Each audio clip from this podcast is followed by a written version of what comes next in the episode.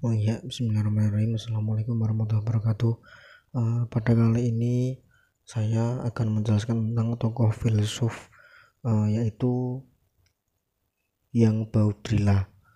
Berbicara tentang Yang Baudrilla tidak lepas uh, kita bicara tentang komunikasi yaitu yaitu tepatnya filsafat komunikasi. Uh, yang Baudrilla dilahirkan di Reims, Prancis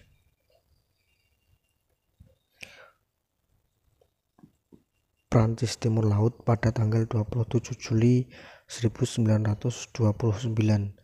Pada tahun 1996 uh, sampai uh, tahun 1966 uh, beliau menjadi guru sekolah menengah mengkhususkan pada teori sosial Jerman dan kesusastraan. Uh, Baudrillard yaitu seorang tokoh teoritis, provokator, filsuf sekaligus nabi postmodernitas. Uh, dia juga mempunyai tulisan-tulisan uh, yang memiliki gaya khas dan orisinil deklaratif, hiperbolik, aforistik, skeptis, fatalis, nihilis, uh, namun tajam dan juga cerdas. Kemudian uh, ia juga ia juga menerjemahkan tentang naskah-naskah Jerman ke dalam bahasa Prancis, termasuk beberapa karya, termasuk beberapa karya dramawan Peter Wish, yaitu The German ideologinya Marx dan Engels. Mesianisme Revolutionaire du Tiers Monde dari Muhlmann.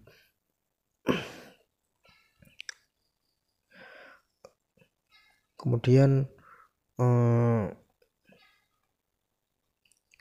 pada tahun 1977 sampai 1998 yang meluncurkan serial provokatif tentang isai antisosialis dan anti poststrukturis dalam bentuknya yang sangat atraktif publikasi gaya pamflet yang menutup uh, apa namanya karirnya sebagai akademikus dan political outsider.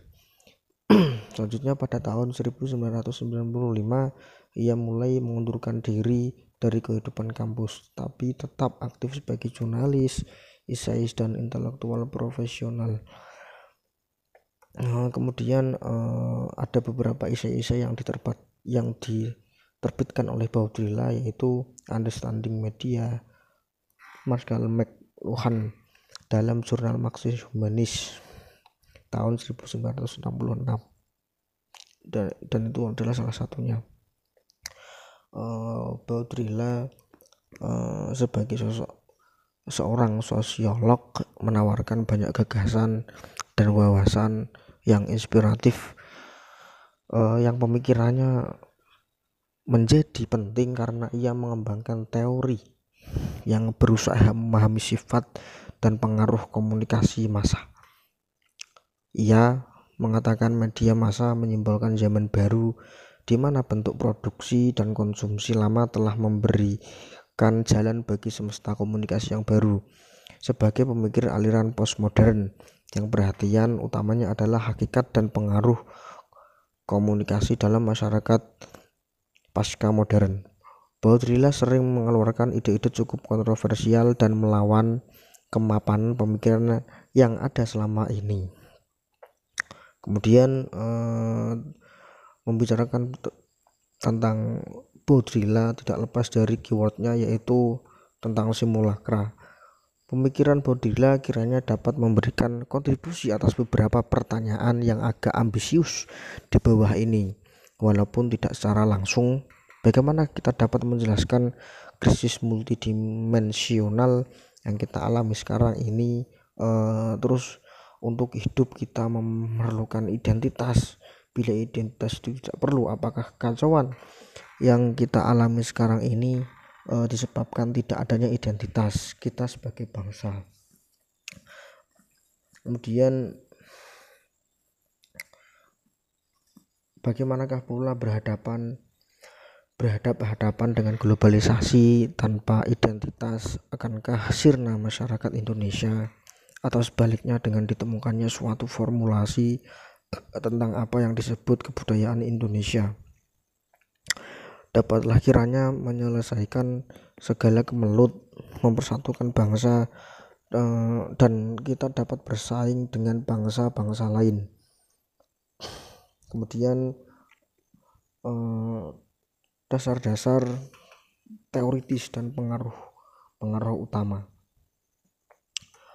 uh, Baudrillard banyak dipengaruhi oleh tokoh-tokoh di antaranya yaitu Karl Marx, Friedrich Nietzsche, Claude, Claude Levi Strauss, Louis Althusser, Georges Bataille, Marcel Mauss, McLachlan, uh, terus Frankfurt itulah. Uh, ia juga pernah bekerja sama dengan Roland Barthes dalam analisa semiotik dalam kebudayaan dalam pertamanya objek sistem. Ia adalah juga dipengaruhi oleh Marshall McLuhan yang memperlihatkan pentingnya media massa dalam pandangan kaum sosiologis. Kemudian Baudrillard mengembangkan teori yang berusaha memahami sifat dan pengaruh komunikasi massa. Uh, dia juga mengatakan media massa menimbulkan zaman baru. Bentuk produksi dan konsumsi lama telah memberikan jalan bagi semesta komunikasi yang baru. Dunia yang dikonstruksi dari model atau simulakra. Sejak zaman Renaissance hingga kini telah terjadi tiga kali revolusi simulakra yaitu counterfeit, production, dan simulation yang merupakan nama yang berbeda untuk arti yang sama yaitu imitasi atau reproduksi dari image atau objek pertama. Image merupakan representasi dari realitas kedua dari realitas. Yang kedua image menutupi image e, menutupi realitas. Ketiga image menggantikan realitas yang telah sirna menjadi simulacrum murni. Pada sig and sig simbolika muncul dalam bentuk eruption. Baudrillard uh, kemudian menambahkan tahapan keempat yang disebut fraktal atau viral. Kini kita pada tahapan fraktal suatu tahapan transferring yang mengubah secara linear cara pandang terhadap uh, dunia. Um, terima kasih um, itulah yang bisa saya paparkan uh, tentang tokoh filsuf yang Baudrillard Assalamualaikum warahmatullahi wabarakatuh